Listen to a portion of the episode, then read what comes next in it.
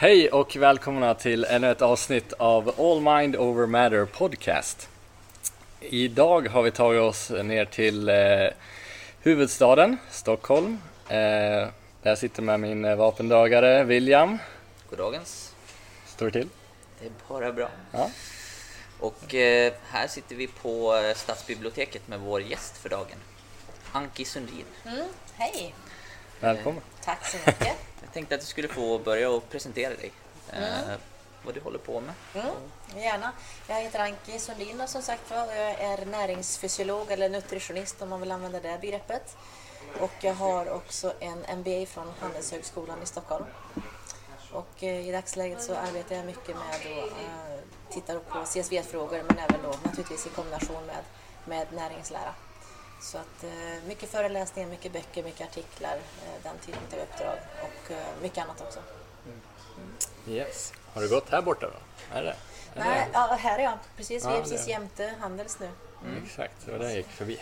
Ja, precis. Du skulle ha gått in, då hade du lärt dig mycket mer. Nej, det tror jag inte. Ja, det har jag aldrig. åsido, det är en fantastisk utbildning. Fantastisk. Ja, Ja. Det är viktigt med utbildning. Och eh, det för oss in på just ditt, ett av dina expertisområden som gäller kost. Mm. Eh, vi fick en fråga här som eh, vi skulle ställa till dig av en, en som lyssnar. Och eh, hon ville höra största myten inom kost enligt dig. Kost och Oj, oj, alltså det finns ju så många så att det finns ju väldigt många att ta av. Något av det kanske vanligaste som jag stöter på, vi kan ta några stycken till och med. Ja, det Mm, kan vi absolut. bjuda extra. Ja, eh, det är ju det här med att man måste äta var tredje timme till exempel. Det är ju en av de största kostmyterna i dagsläget.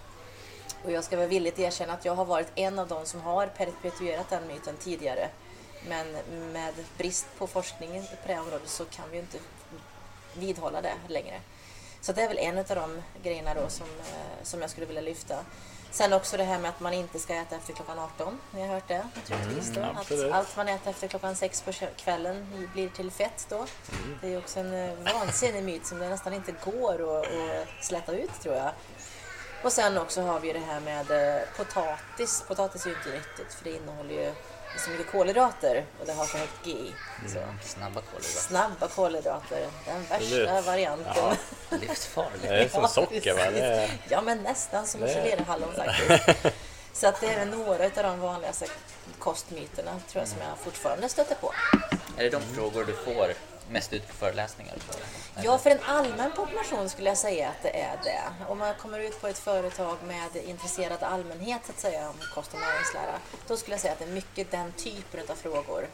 Men när jag föreläser för de som är mer inne i idrottsvärlden, vi träffades ju på Fyshuset Ja, och där, precis. den gruppen den tror jag inte är så, så blådunstrad utav den typen av myter utan där är det då kanske andra frågeställningar som man tänker på. Då. En sak som jag kommer att tänka på då, det var som jag har hört ganska ofta, det är det här med mättat fett, kolesterol och testosteron. Just att det. eh, den ställdes ju där uppe. Att, Ja. att är det, får man, kan man få mer testosteron av att äta mättat fett? För att det är byggstenen. Det var väl ungefär så frågan utformades. Ja, precis. Alltså svaret på den frågan som jag skulle vilja ge idag, det handlar ju om att under förutsättning att inte du har en extrem kostföring så är det sannolikt inte tillgången på mättat fett, eller mättade fettsyror egentligen, som är flaskhalsen i testosteronproduktionen. Utan pratar vi om vem som helst ute på gatan som till äventyrs skulle ha en nedsatt testosteronproduktion, då beror det sannolikt inte på att man har för lite mättade fettsyror i kosten. Det är det första jag skulle vilja säga om den biten. Sen så är det ju så naturligtvis att eh, många är ju inte oroliga för att de har brist på utan många vill ju ha mer av, det vill säga nästan suprafysiologiska mängder utav testosteron. Men det kan vi inte få av att äta mera fettsyror utan det finns ju ett tak där naturligtvis. Då. Å andra sidan så kan man ju vända på det och säga att i samband med ätstörningar där man då eh, stryper sitt energiintag extremt, vi pratar om anorexia till exempel, den typen av utav allvarliga sjukdomar, Eh, Där kan det ju mycket väl vara så att hormonbalansen rubbas på grund av energitillgängligheten och att den är väldigt liten. Så att, eh, det, man får ju skilja mellan vad man menar här. Är det brist på eller är det man är ute efter suprafysiologiska nivåer? Och det är extremt ovanligt skulle jag säga att man skulle då ha brist på testosteron för det första och för det andra att det skulle bero på att man inte äter tillräckligt mycket med fett, mättade fettsyror. Absolut. Det är någonting som jag faktiskt har grävt mig ner i otroligt mycket den senaste tiden här. Någonting som vi tentade av här. Ja, men så där ja. Eh, Berätta vad du har kommit fram till. Att eh, det finns väldigt mycket myter där ute när det gäller hormoner för både kvinnor och män. eh, som inte är eh, vetenskapligt belagt. Eh, och just det här med brist är någonting som eh, ja, det är väldigt omtalat men som sagt det finns inte så mycket vetenskapliga belägg för det. Och eh, just brist, energibrist är ju någonting som är mycket vanligare än exempelvis brist på, om vi pratar om fettsyror, eh, kolesterol som är ett av substraterna. I, men vi har ju en endogen, alltså en egen kroppslig uppbyggning av kolesterol från andra näringsämnen också. Så att just, eh, det är inte flaskhalsen som du säger. Nej. Mättade är ju modersubstansen för kolesterol. Ja, precis. Så att, eh, nej, det finns, finns mycket där ute, många myter där ute som vi Ja, har berättat om. jag tycker att någonstans så kan man väl landa ganska tryggt innan dagen är slut ändå att kroppen sköter det mesta själv. Vi behöver inte hålla på och manipulera med vare sig kost eller träning för att optimera testosteronnivåer, GH-nivåer, vad det nu är för hormon man är ute efter, IGF-1 och så vidare. De typen av hormoner som vi ofta pratar om i träningssammanhang och som folk är ute efter att öka på av och så vidare. För det första ska vi vara glada över att vi har ett sån extremt starkt regleringsverk för hormonproduktion. Och för andra så kan vi vila ganska tryggt i att så länge vi belastar kroppen bra, hårt och skadefritt naturligtvis, det är ju brasklappen i det här fallet, men också äter tillräckligt mycket med energi, då sköter kroppen det här själv. Och resten kan vi skylla på våra föräldrar i stort Mm. sett. Ja, otroligt finjusterat är det. Ja. Och, eh, det är som du säger. Adekvat trä- träning och kost så kommer man ju otroligt långt. Och det är de, det vad brukar du säga, skruva på de små muttratna. Alltså, ja, exakt. gäller, att, gäller att ha helheten klar för sig först innan man eh, Går in går ner. finjusterar det. Sen är det otroligt spännande men det är ett helt annat, helt område. Ja, verkligen. Men eh, det för oss ju in på ett annat sak som eh, jag tror är ganska missförstått ute i eh, stugorna ute där eh, runt om i Sverige. Det här med energi in och ut och eh, hur det påverkar oss. Eh, ja, med viktuppgång och nedgång. Skulle Ja. jag. Ehm, ja, att det är väldigt missförstått. Det är många som, som du säger, det här med exempelvis potatis. Att, ja, äter man lite kolhydrater just där och då så kommer det direkt omvandlas till fett. Och man tänker, Mm. man tänker väldigt kortsiktigt. Just det. Ehm, har du, kan du ge oss en liten inblick i hur... Ja, varje avsnitt ska inte vara längre än tre timmar eller? ja, Jag delar finns upp ju. Det Ja, lugnt. precis. Det finns ju oerhört mycket att säga naturligtvis om den biten. Eh, Om man tar det här med att kolhydrater skulle omvandlas till fett, då är ju det också på gränsen till ett missförstånd. Det är klart att du kan äta dig tjock på kolhydrater, det är inte tu tal om det. Men omvandlingen utav faktiska kolhydrater till fett, den, den, den omvandlingen sker ju i ganska liten utsträckning och bara under förutsättning att man överstiger sitt energibehov. Någonstans ska ju sakerna ta vägen och vi kan inte lagra in mer än säg 5, kanske 600 vad det kan bli gram glykogen och resten måste ju då göras om till någonting annat, det vill säga fett i det här fallet. Så att det är ju väldigt, väldigt lite utav kolhydraterna vi äter som görs om till fett och förutsättningen för att det överhuvudtaget ska ske är ju att vi ska ha ett över, ett, en överdriven energikonsumtion, vilket många eftersträvar för att man vill gå upp i vikt och bli starkare och sådär. Ehm, och sen är det det här med energi in och energi ut och det är väl ingen i den här kretsen som inte har läst eller åtminstone hört talas om Forma kroppen och Maximera din prestation, boken som Jakob Gudiol och Niklas Neumann har skrivit. Absolut. Den är mycket, mycket välskriven och eh, där har de ett kapitel som handlar just om det här. Och, och eh, bland annat så beskrivs ju också hur egentligen, om man ska travestera lite grann och översätta till mina ord, kroppen är ju en svart låda. Vi vet inte så mycket kring vad som händer exakt i kroppen. Vi vet mycket, men vi vet inte allt. Och det betyder att om vi bränner upp ett antal gram havregryn i en, i en termos som det ser ut som när man ska göra de här förbränningsexperimenten och se hur mycket energi som mat innehåller så bränner man upp det i en apparat och eh, får ut ett visst värde på det beroende på hur mycket värme som den här uppeldningen av livsmedlet ger ifrån sig. Och den uppvärmningen går ju att mäta om man då har ett medium runt omkring. I det här fallet så tittar man på vatten då. Så värmer man vatten en grad, ett gram då, då så motsvarar det en kalori. Och det är ganska lätt för den som har lite biokemi med sig eller näringsfysiologi eller fysiologi överhuvudtaget att förstå att det här är inte riktigt överförbart till hur saker och ting liksom sker i kroppen. Och det betyder att vi kan inte bara säga att för att vi äter ett visst antal gram pasta eller ett visst antal gram havregryn så måste det motsvara x antal kilometer i spåret. För det är inte så det fungerar. Och äter du mer mat än vad du brukar göra så ökar också din vär ditt värmespill. Det är det som kallas för NEAT, Non-Exercise Activity Thermogenesis, alltså en värmebildning som beror på energi som inte vi tänker riktigt på är aktivitet. Till exempel att sitta och gunga på stolen eller trumma på fingrarna. Mm. Men även naturligtvis då att det ger mer utrymme för, för TEF, Thermogenic Effect of Food. Mm. Att man då får, bara för att man omsätter maten får en ökad förbränning eller en ökad värmebildning ska jag säga, ett mm. tapp av det. Då. Så att bara för att man har ett visst intag av energi så betyder inte det att man har, måste ha ett visst uttag via vissa aktiviteter utan kroppen reglerar det här väldigt, väldigt smart själv. Och utan att behöva gå in på detaljer så kan man ju säga att om man till äventyrs skulle överkonsumera energi så kommer man med en normal aptitreglering att kompensera för det på sikt. Och det är ju väldigt, väldigt få av oss som går upp 10 kilo efter jul och aldrig går ner det igen. Mm. Så att det sker ju naturligtvis viktökningar från år till år hos många, men inte i den utsträckningen som man kanske skulle kunna tänka sig med tanke på hur mycket energi vi faktiskt äter, utan vi kompenserar för mycket. Det kan jag absolut, om jag bara pratar för egen erfarenhet, märka när man har en period där man inte behöver gå upp eller ner i vikt. Att man ligger väldigt konstant. Eh, runt en set point eller vad man ska säga. Mm. Eh, nu vet jag inte hur belagt just det är.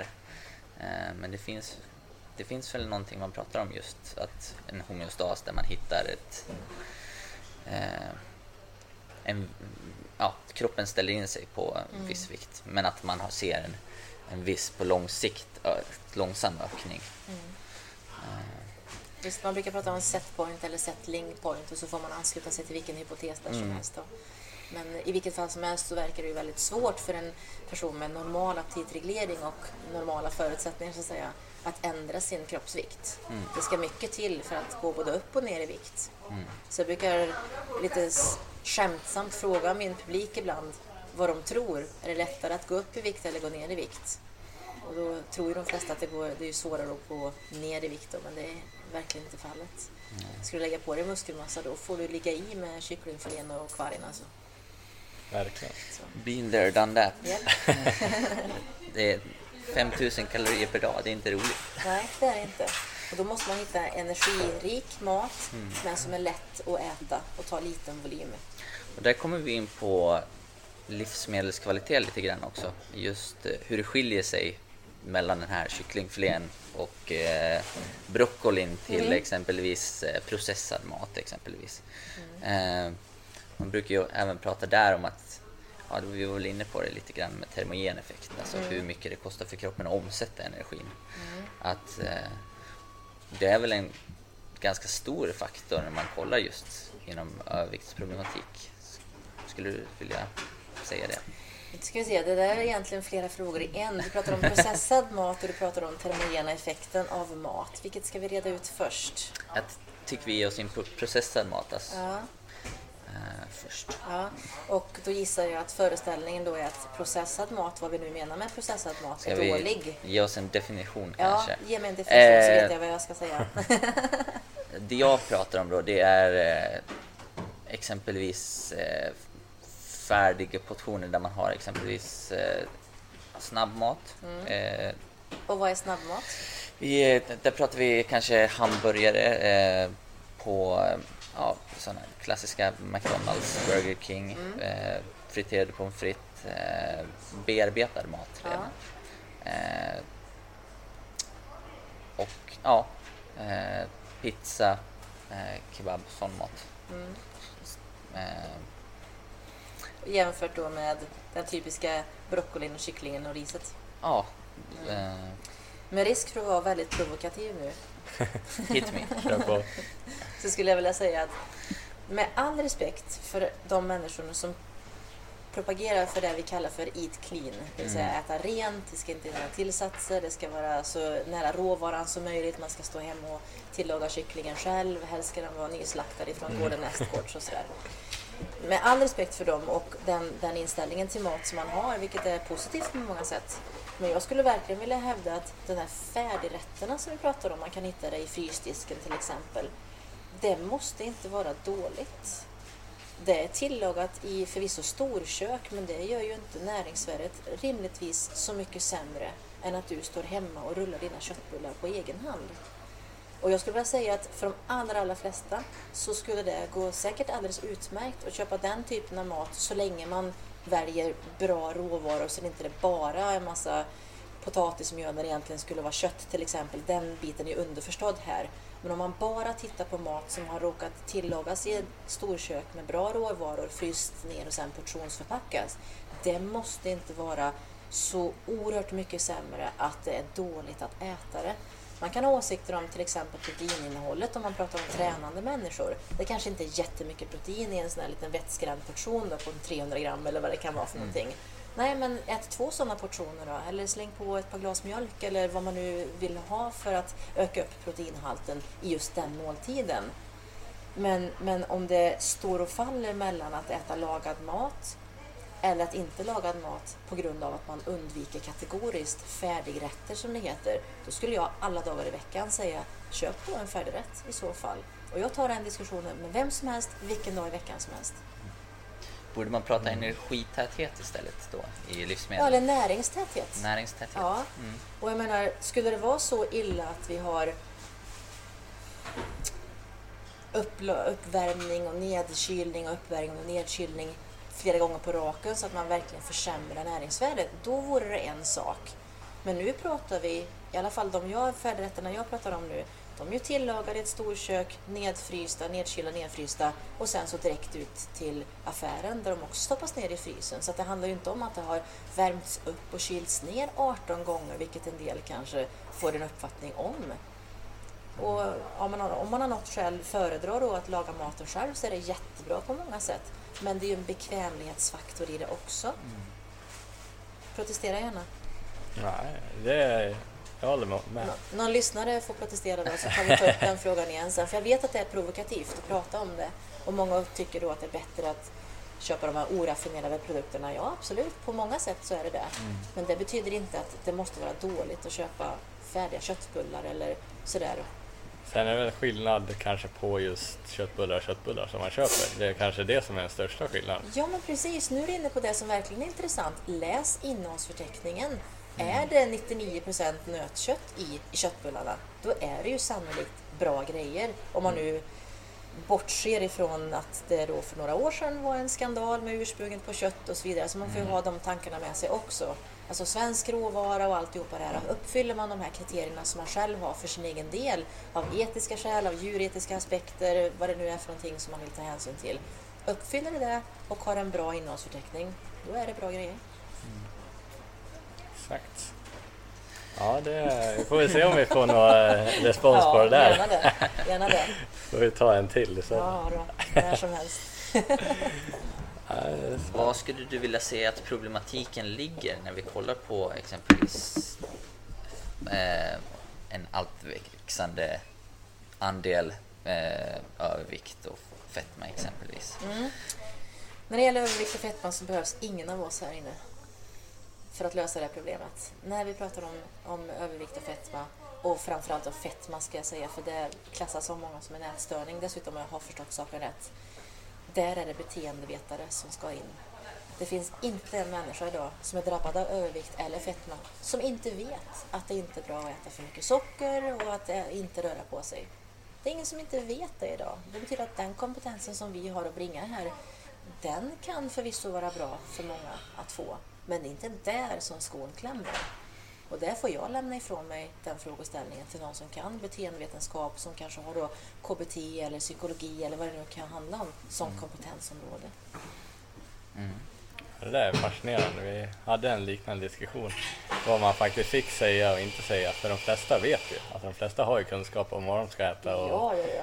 träna och liksom så. Men eh, ja, om man inte tar det på rätt sätt så Nej. kan det istället bli taggarna utåt och Visst det så. negativt. Visst är det så. Och Jag menar, det finns ju flera exempel på människor som till och med när de lägger sig under kniven misslyckas med sin viktnedgång, gastric bypass. Och hur kan man göra då, då för att få i sig stora mängder energi? Jo, man smälter chokladen på elementet eller man dricker grädde. Och det, det är ingen som tror att det är bra eller att man ska göra det efter en operation. Så det betyder att någonstans sitter det här spöket i hjärnan som gör att man då fortsätter med den typen av beteende. Och jag ser eh, operationer i all ära för att det är det enda som fungerar på lång sikt om man ska vara lite elak. Ska du behandla obesitas så är det extremt svårt att göra det med kost och träning. Utan det är ofta en operation som är mer eller mindre enda lösningen. Man ska titta på det som är framgångsrikt idag. Och då kan man fundera över, okay, hur kan vi vända på det så att inte så många behöver lägga sig under kniven för det är trots allt inte helt ofarligt. Så. Utan hitta någon metod så att man kommer åt beteendet.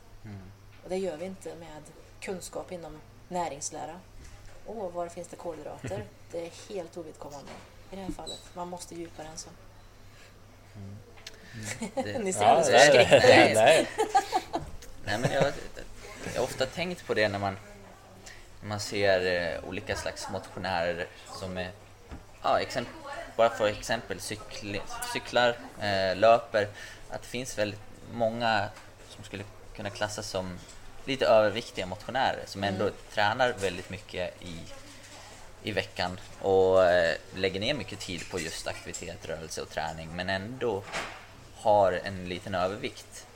Och eh, då måste ju någonstans styra över att det kanske är... Skulle du säga att det är kosten eller träningen som är den största faktorn? Är det kosten? Ja. ja, det är kosten och träningen. Både och. Ja, både och. Jag tror att det är en, en salig blandning mellan de två. Och det, det är otroligt svårt att säga om det är det ena eller det andra som är viktigast här, tror jag. När vi pratar om friska människor som kanske har lite mera gullull än de själva trivs med, om vi tar den gruppen, men som ändå är nog, ganska vältränade för att man håller på med, med en hel del aktiviteter och är ganska stark på gymmet och orkar springa milen och alltihopa det här. Ehm, Så det är oerhört svårt att säga vad som är viktigast där. Jag skulle säga en kombination naturligtvis.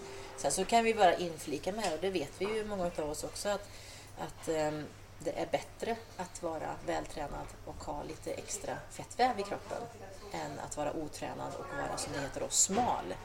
För smal är ur ett hälsoperspektiv inget eftersträvansvärt tillstånd. Och där tittar vi till och med på det här begreppet TOFI. Thin outside, fat inside. Man kallar det för pommes frites. Att man är fet utanpå, förlåt mig, fet inuti men smal utanpå. Det syns inte att man har ganska mycket fett lagrat i kroppen men att man ändå faktiskt har en viss risk då för att drabbas utav faktiskt till och med hjärt-kärlsjukdomar och diabetes typ 2 så småningom och sådär.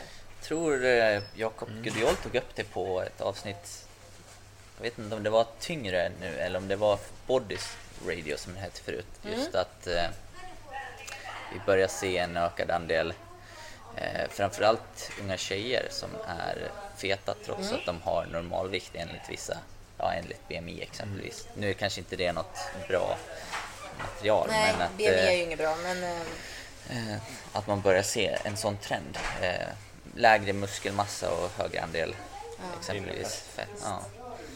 Det är en lite oroande utveckling. ja. Eh, Och det har ju varit på tapeten väldigt länge också. Mm. Begreppet TOFI har vi ju haft i, ja, jag vet inte hur länge. jag, jag hörde en, jag kommer inte ihåg vem det var, men som, eh, som jämförde just vår livsstil med att förut var vi ute och jagade 5 till 8 timmar per dag och eh, vandrade och letade medan eh, nu består vår jakt av att åka ner till ICA och stå i kö i två minuter. Jakten var god, kommer hem med tre kassar. Ja, precis.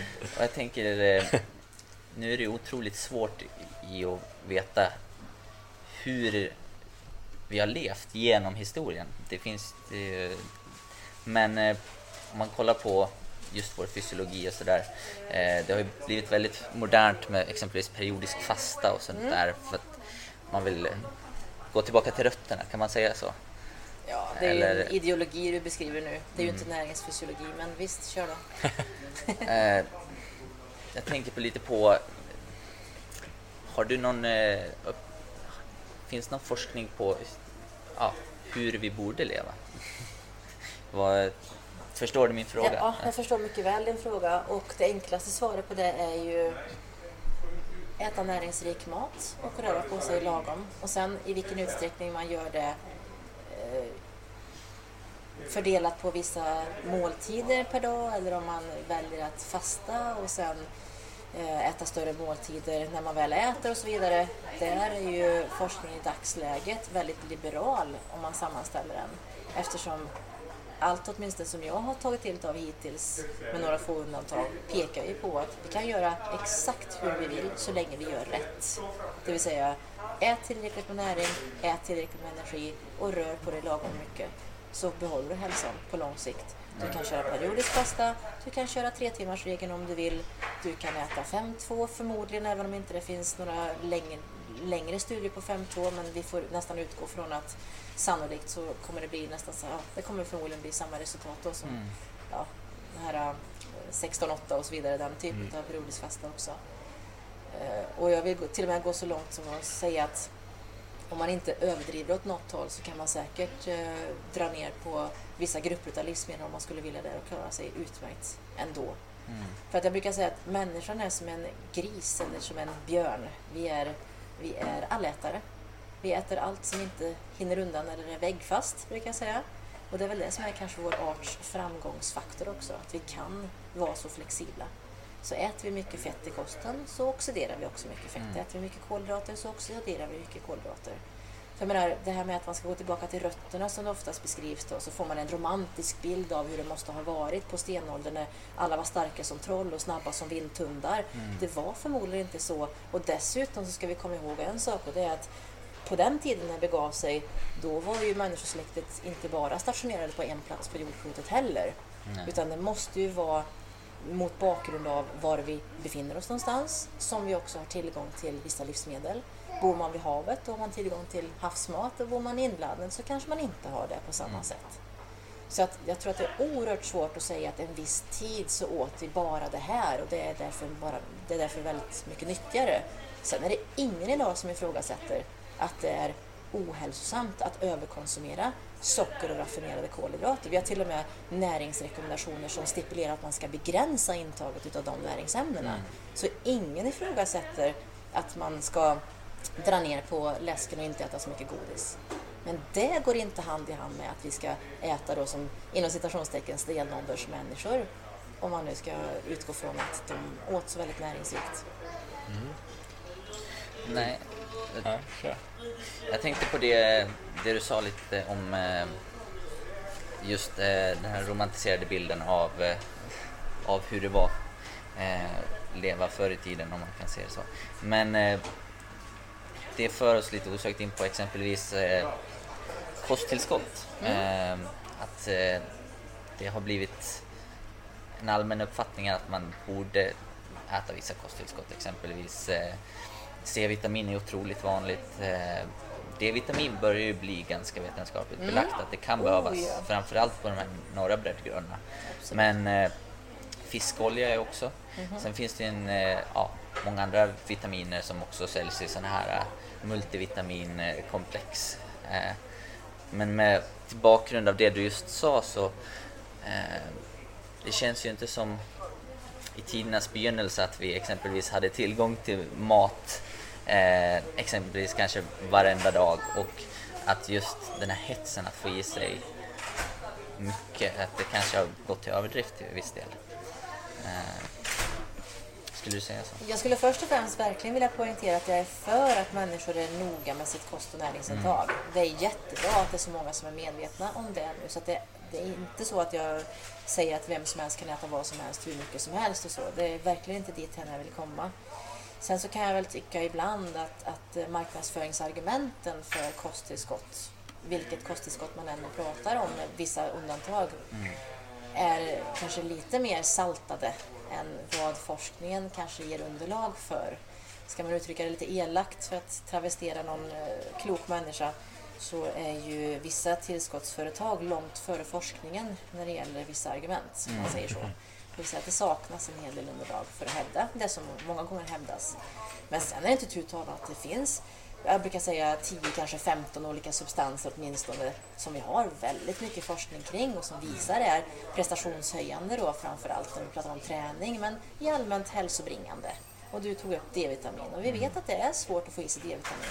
Och det är därför som vi också diskuterar nu eh, att också höja D-vitaminberikningen i livsmedel. Berika även standardmjölk till exempel med D-vitamin och, och så. Och eh, det finns för och nackdelar med det såklart.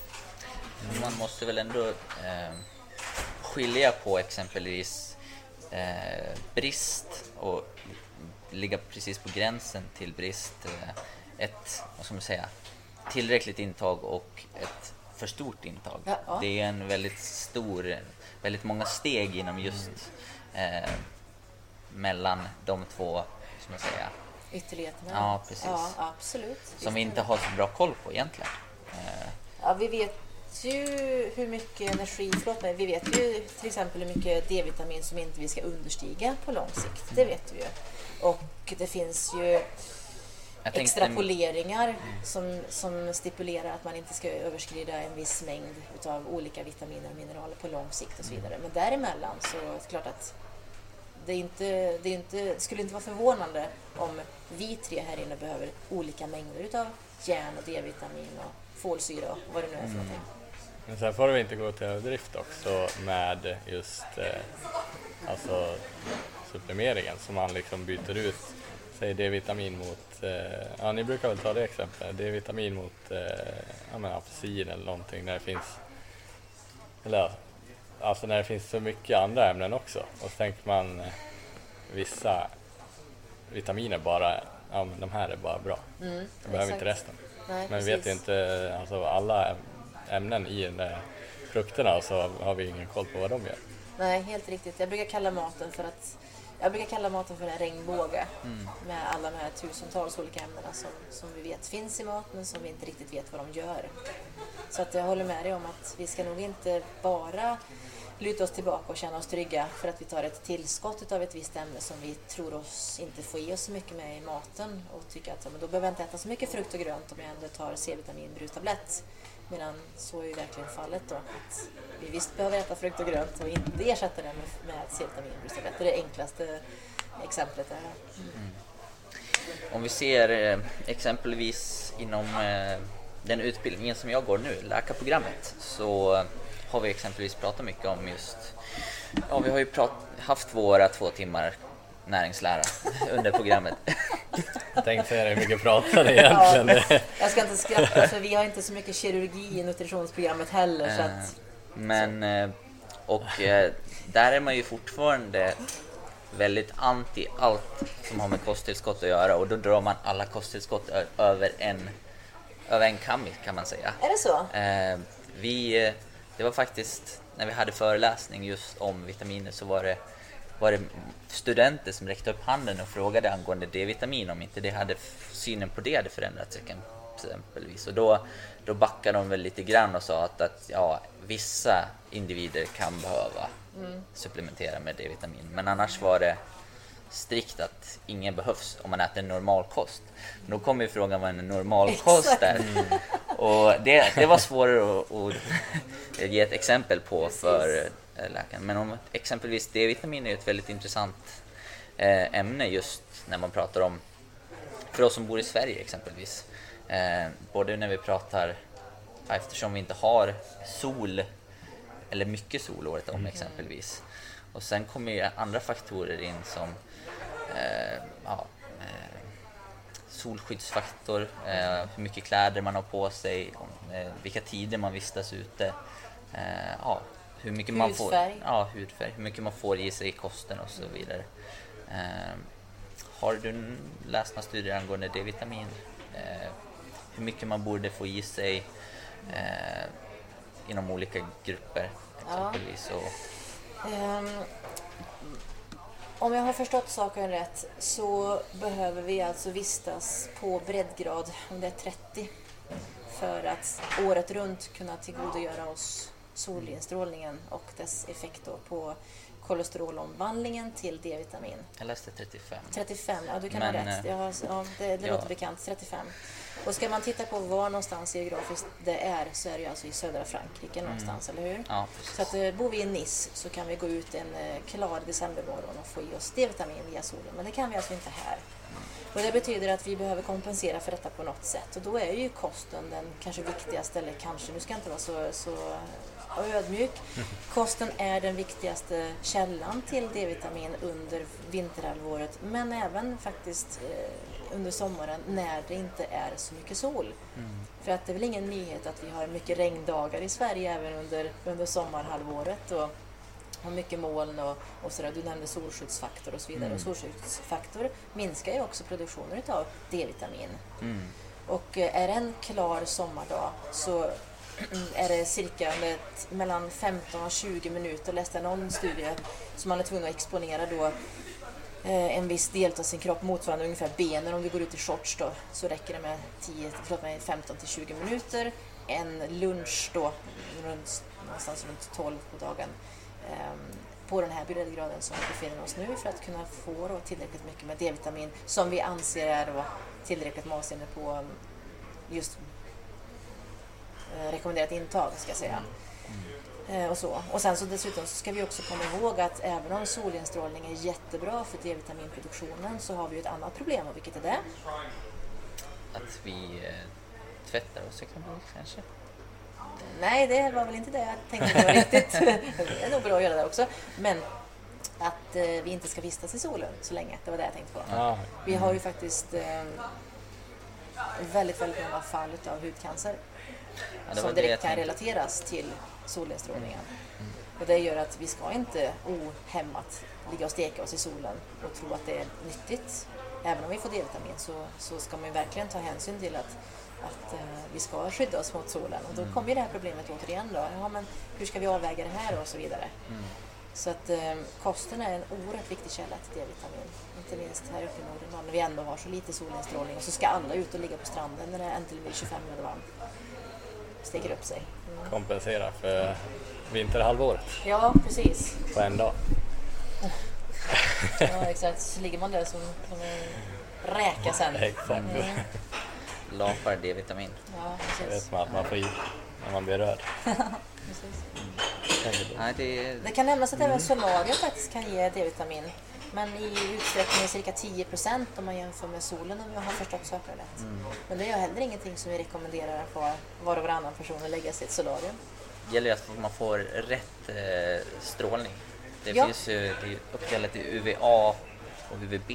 Och det är UVB som vi behöver få på oss. Yes. Och vissa solskyddsfaktorer kan ju till upp till 99 procent faktiskt motverka just bildningen av eh, test, eh, testosteron, säga. Testosteron. D-vitamin. Oh no, go there. D-vitamin. Ja. Eh, så att eh, det finns ju och sen som du sa, eh, om man är exempelvis härstammar från sö- sö- sydligare breddgrader eh, även beroende hur mycket kläder man har på sig, Ja. att, som du sa, hur, mycket hud man exponerar Mm. så är det också väldigt beroende. Så att, eh, det finns mycket att ta hänsyn till. Ja. Och, så att man får följa utvecklingen och få se vart det, vart det bär åt när det gäller just eh, råd angående mängd och sådär. För Ja. det har väl eh, uppdaterats en gång nyligen. Du menar rekommenderat intag? Ja. ja oh, det har uppdaterats flera gånger än så. Vi började på 5 mikrogram när jag började läsa NNR. Sen blev det 7,5 och nu är det uppe på 10. Och i USA och Kanada, om inte de har uppdaterat det sen jag läste den sist, så är de uppe på 17 mikrogram per dag. Mm. Så att eh, vi ligger fortfarande väldigt spartanskt till där Mm. när det gäller D-vitaminintag. Och det gör säkert ingenting om man kommer över det, men helst inte under. Mm. Har de någon, eh, vet du om de har någon eh, maxnivå? Alltså någon eh, som det inte ska gå över? Upper level för D-vitamin. Det ligger på, om inte jag misstar mig nu, jag kan ha fel, Tror eh, 100 mikrogram. Ja. Och jag har läst någon studie där man tittade på, visserligen bara ett par veckors tid, men man hade gett då ett antal människor 300 mikrogram per dag. Och där hade man inte sett några negativa effekter på de parametrar man undersökte just där. Då. Men det är ju väldigt svårt att sia om ifall UL egentligen borde höjas. Då. Frågan är om det behövs höjas. Drar man i sig någonstans mellan 10 och 100 så är det sannolikt fullt tillräckligt i vilket fall som helst. Då. Finns att ta på i alla fall. Ja, men lite grann sådär. Det kan väl nämnas att eh, äldre, äldre män med D-vitaminbrist får en ökad muskelproteinsyntes när man normaliserar D-vitaminnivån. Och det gör att det finns all anledning att, att också titta på den äldre generationen och se till att de får i sig tillräckligt med D-vitamin. Det är ett eh, spännande forskningsämne just. Det har otroligt många funktioner i kroppen. Det är väl Eh, involverat så i det mesta, eh, tror jag. Får se om jag återkommer med framöver. Ja. Eh, När du är klar med läkarprogrammet? ja, precis. När är du klar med läkarprogrammet? 2020. Så att, eh, det är några år, det är några år kvar. Eh, Men man kan ju faktiskt eh, forska under programmet. Ja. Eh, eller vara medverka så att eh, får se. Men Eh, vänta nu, du är på T2 nu, eller hur? nu ska jag börja på T2. Du ska börja på Jag har T2 nu? varit på T1. Ja, men själva grundutbildningen är fem, va?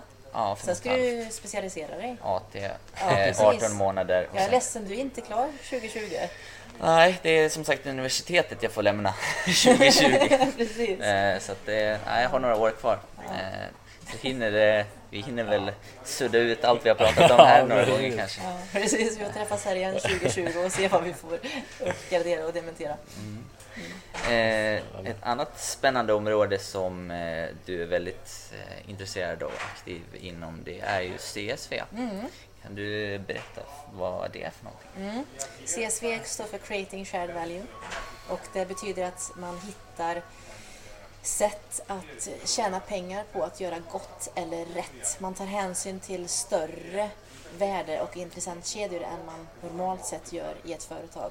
Om du till exempel tillverkar bröd, bara för att hitta på, så är den normala kanske tanken kring vilka värden du har i din process då från kornet via, via, via det, kvarnen och, och alltihopa det här till att man kommer till, till de som bakar och sen så stoppar man brödet i förpackning och sen så eh, säljs det i butik och sen så slänger konsumenten förpackningen. Det är väl kanske det vanliga sättet att betrakta en värdekedja på. Och intressentkedjorna är ju ofta då slutkonsumenter, återförsäljare och tillverkare naturligtvis. Men att expandera det så att man, att expandera det så att man då tar hänsyn till ännu flera värden och ännu flera intressenter och på det sättet så kan man pressa fram större marginaler så att man då också kan göra marknadsföring och PR och kommunikation på det. Så att tar du hänsyn till många intressenter så kan du också framhäva det i, i din egen mediakommunikation helt enkelt. Att vi gör gott för den här gruppen. Och i själva verket så är ditt ekonomiska incitament att du faktiskt tjänar pengar på det, vilket är bra. Vi ska ha ekonomiska incitament för att göra gott eller rätt. Eh, skulle du kunna ge ett exempel på eh, creating shared value för våra Ja. lyssnare? Ja, absolut. Ehm, Vi har ett företag i Maine, i Portland, USA, som heter Miller Coors. Och de gör öl faktiskt. Och de förbrukar alltså väldigt mycket korn. Och de har precis nyligen gjort, ingått i ett partnerskap med ett eh, biotechföretag som tar deras avloppsvatten, som är alltså väldigt rikt på, ja, det låter dumt att säga föroreningar, men avfall ifrån kornbearbetningen. Och så ska de extrahera protein ifrån det för att använda det som djur och fiskfoder. Det är ett exempel på CSV. Istället för att tömma ut avloppsvattnet och låta kommunen rena det och det eventuellt då blir det övergödning och så vidare, vad det nu kan bli av det, så tar man tillvara det vattnet. Man sparar pengar på att rena medan och säljer egentligen avfallsprodukten vidare som då kan raffineras och göras någonting bra av. Det är ett exempel på CSV. Det är otroligt spännande. Ja. Eh, hur, eh, hur vanligt skulle du vilja säga att det är och eh, jag skulle vilja säga att många företag håller på med CSV men många företag känner inte till begreppet. Det är många eh, stora företag som känner till begreppet naturligtvis. Då. Vi har en hel del koncerner som ligger i bräschen skulle jag säga för CSV. Men eh, tittar man på, på CSV-fronten så är det ju väldigt få företag eller koncerner skulle jag säga som använder begreppet i sina sustainability reports, till exempel hållbarhetsrapporter. Och där tror jag att utvecklingspotentialen är enorm. För det går att hitta samarbetsmöjligheter och gemensamma intressent och värdekedjor hos i stort sett alla företag. Plocka två företag på detta jordklot och vi kan hitta gemensamma värde och intressentkedjor där. Mm. Och det betyder att det finns så oerhört mycket pengar kvar att spara och tjäna. Och det är nog, menar jag och många med mig, framtidens sätt att göra business. Mm. Jag tänkte säga, vad, vad tror du är anledningen till att fler företag inte har börjat kolla på det här? Om det just i en ekonomisk synpunkt kan spara så mycket? Ja, jag tror att det är... Nu är jag en ekonom. Eh, jag förstår språket när ekonomerna sitter i fikarummet och pratar. Och jag ska ödmjukt säga att naturligtvis finns aspekter som man måste ta hänsyn till i ett företag.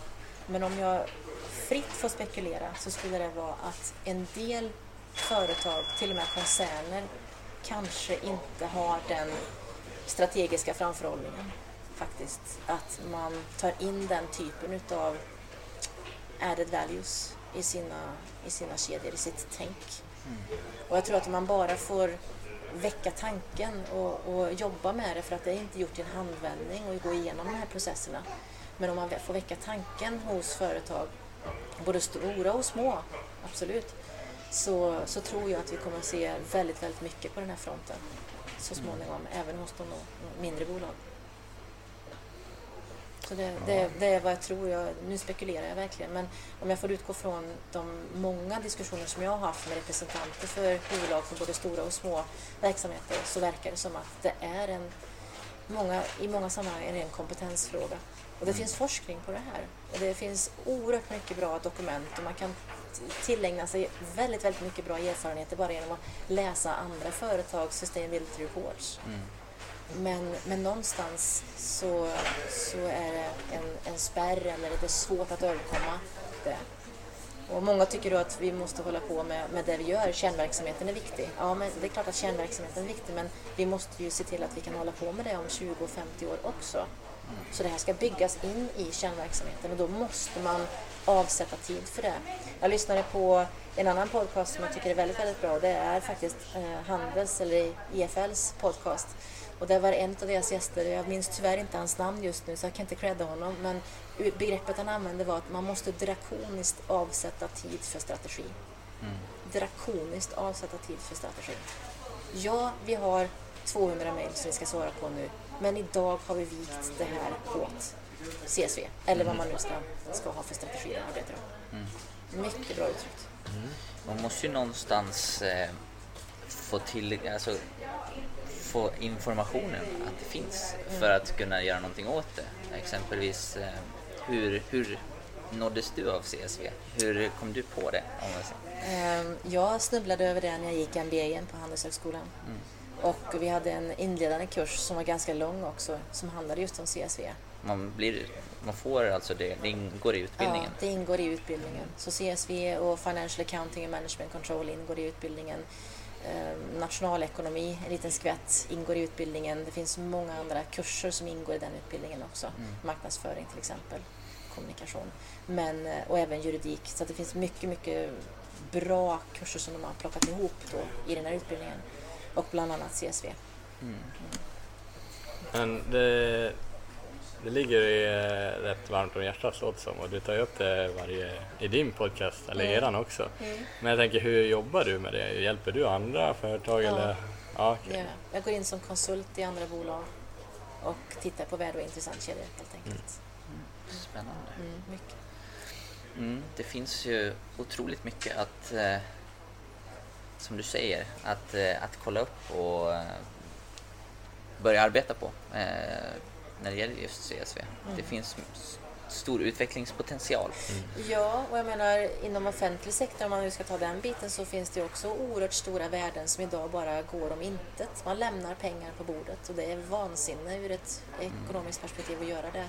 Även om man pratar om offentlig sektor, för det här ska vi också inte kanske tjäna pengar, men vi ska spara pengar i offentlig sektor, eller hur? Och då är ju då till exempel här, som jag tog upp på förra avsnittet, eh, just om, om vad man har gjort i Linköpings kommun när man då har, har, eh, har eh, tagit fram en app där skoleleverna får välja skolmat för att skolpersonalen, eller matsalspersonalen ska säga, ska veta exakt hur mycket de ska göra i ordning för den dagen. Och på det sättet så sparar man alltså miljontals kronor varje år och det är mycket att spara in på skolmat som ändå, som du var inne på förut, ehm, faktiskt inte har så stora marginaler ändå. Nej, Nej det är en pressad, pressad, eh, ett pressat område. Ja, det är det. Och här, hämtar vi alltså i ett nafs flera miljoner kronor per år. Mm. Så det, det ses vi. Och det behövs alltså även inom offentlig sektor. Det är ju lite konstigt med tanke på just att du säger att man får det som en del av sin utbildning. Även om det kanske inte var så mycket om jag förstår det rätt. Jo, det var en av de stora kurserna. Det var det? Ja. Ja. Eh, Att det inte är, är mer på tapeten än, än vad det är. Många företag kallar det här för CSR, Corporate Social Responsibility. Men den stora skillnaden är att CSR kräver inget return on investment. Det vill säga, det, du kan skänka bort dina pengar till välgörande ändamål och du kan kalla det för CSR.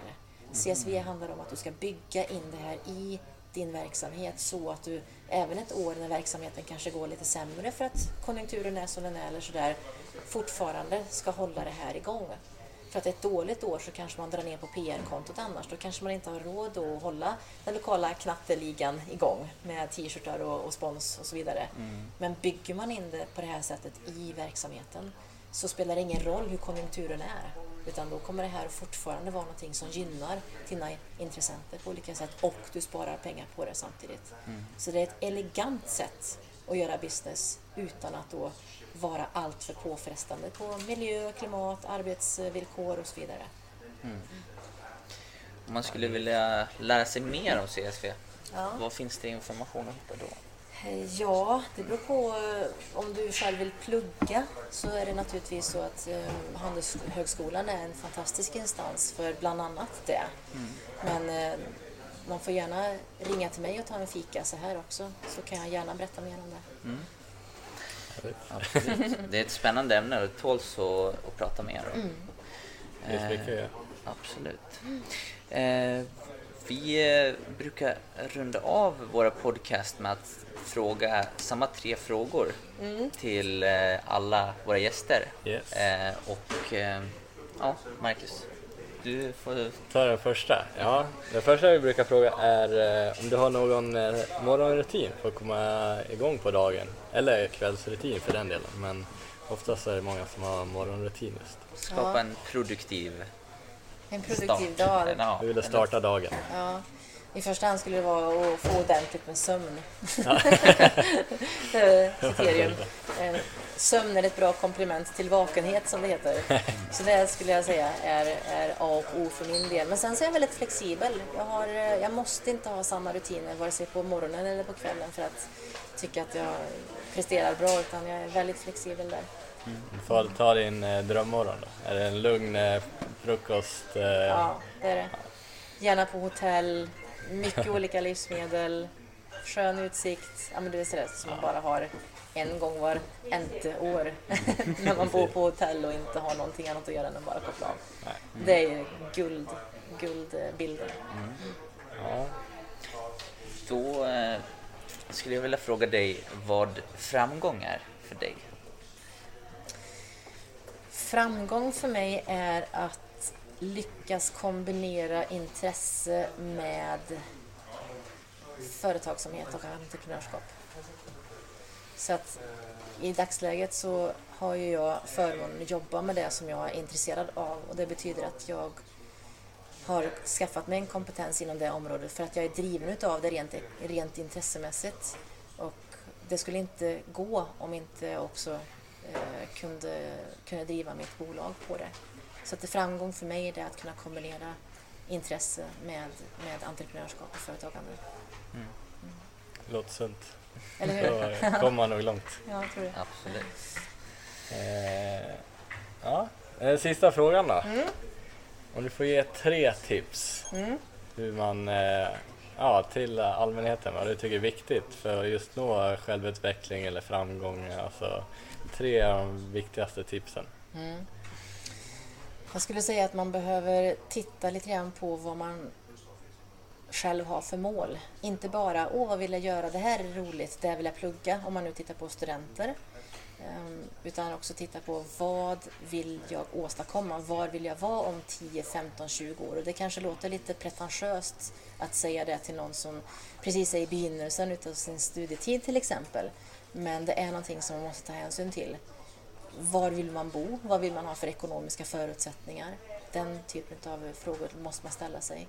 Eh, Ta kontakt med folk som är i branschen som man är intresserad av och motsvara då deras eh, vardag, det man själv är ute efter.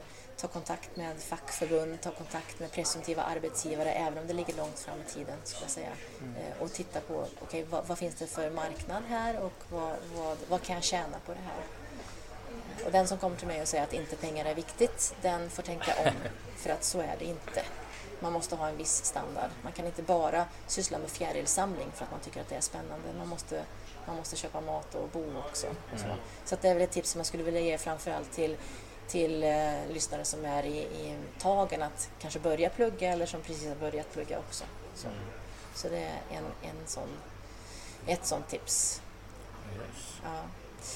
Eh, ja, Stort tips. Jag Ja. tänkte säga. Väldigt omfattande, men det är bra. Ja. Men sen också naturligtvis um, att förkovra sig i det som man tycker är avkopplande.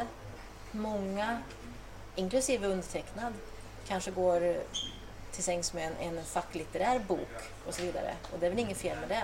Men jag tror också att den här återhämtningen någonstans emellan där är väldigt, väldigt viktig.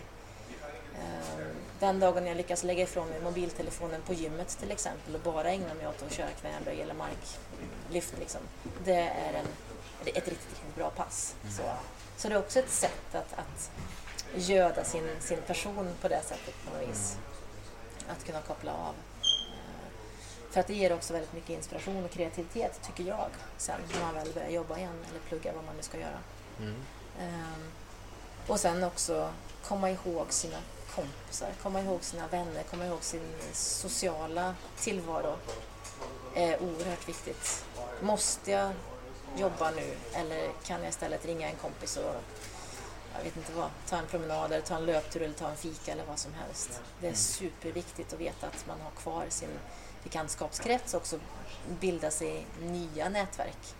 Så att det är också en, en tredje tips som jag skulle vilja ge. Det är- Det låter... väldigt sunt och tre väldigt eh, bra tips känner jag Tack. till eh, att utgå ifrån. Mm. Eh, är det, du har en egen podcast och Ja. eh, ett förlag. Eh, Ja, det har jag. Eh, Jag driver tillsammans med Jill Holmström podden Mat och marginaler. Jag Och, kan eh, säga väldigt eh, rekommenderad. Tack så Den mycket. är Ja. riktigt bra. Ja, men Den vad är den roligt att du säger det. Vi, vi trivs med att göra den, kan jag säga. Mm. Eh, Och eh, sen så har jag ett, eh, ett anspråkslöst bokförlag där vi ger ut andras böcker och mina egna också för den delen. Så att nu ska jag kuppa lite här att skulle ni vilja skriva en bok eller någon där ute skulle vilja skriva en bok så hör av er så ska vi ta det vidare Mm. i så fall. Och, ja, det är, väl, det är väl ungefär det förutom då föreläsningar och, och CSV-biten inom kommunikation och näringslära som jag håller på med. Om man vill eh, hitta dig då? Tänker, Ja, någon hemsida? Ankesundin.se, det är väl det enklaste. Sen så finns jag som alla andra idag på Facebook och lite sparsamt på Instagram men även på Twitter finns jag. Så att eh, både en officiell sida och en, en privat sida har jag på Facebook. Så kan man gå in och gilla om man vill det eller, eller bli kompis med som det heter och så vidare. Mm. Då Perfekt. får vi tacka så hemskt mycket för en trevlig pratstund och lärorik framförallt. Ja, väldigt intressant. Tusen tack Riktigt själva, roligt. jättekul att få vara med. Mm. Tack På så mycket. återseende. Yes. Absolut.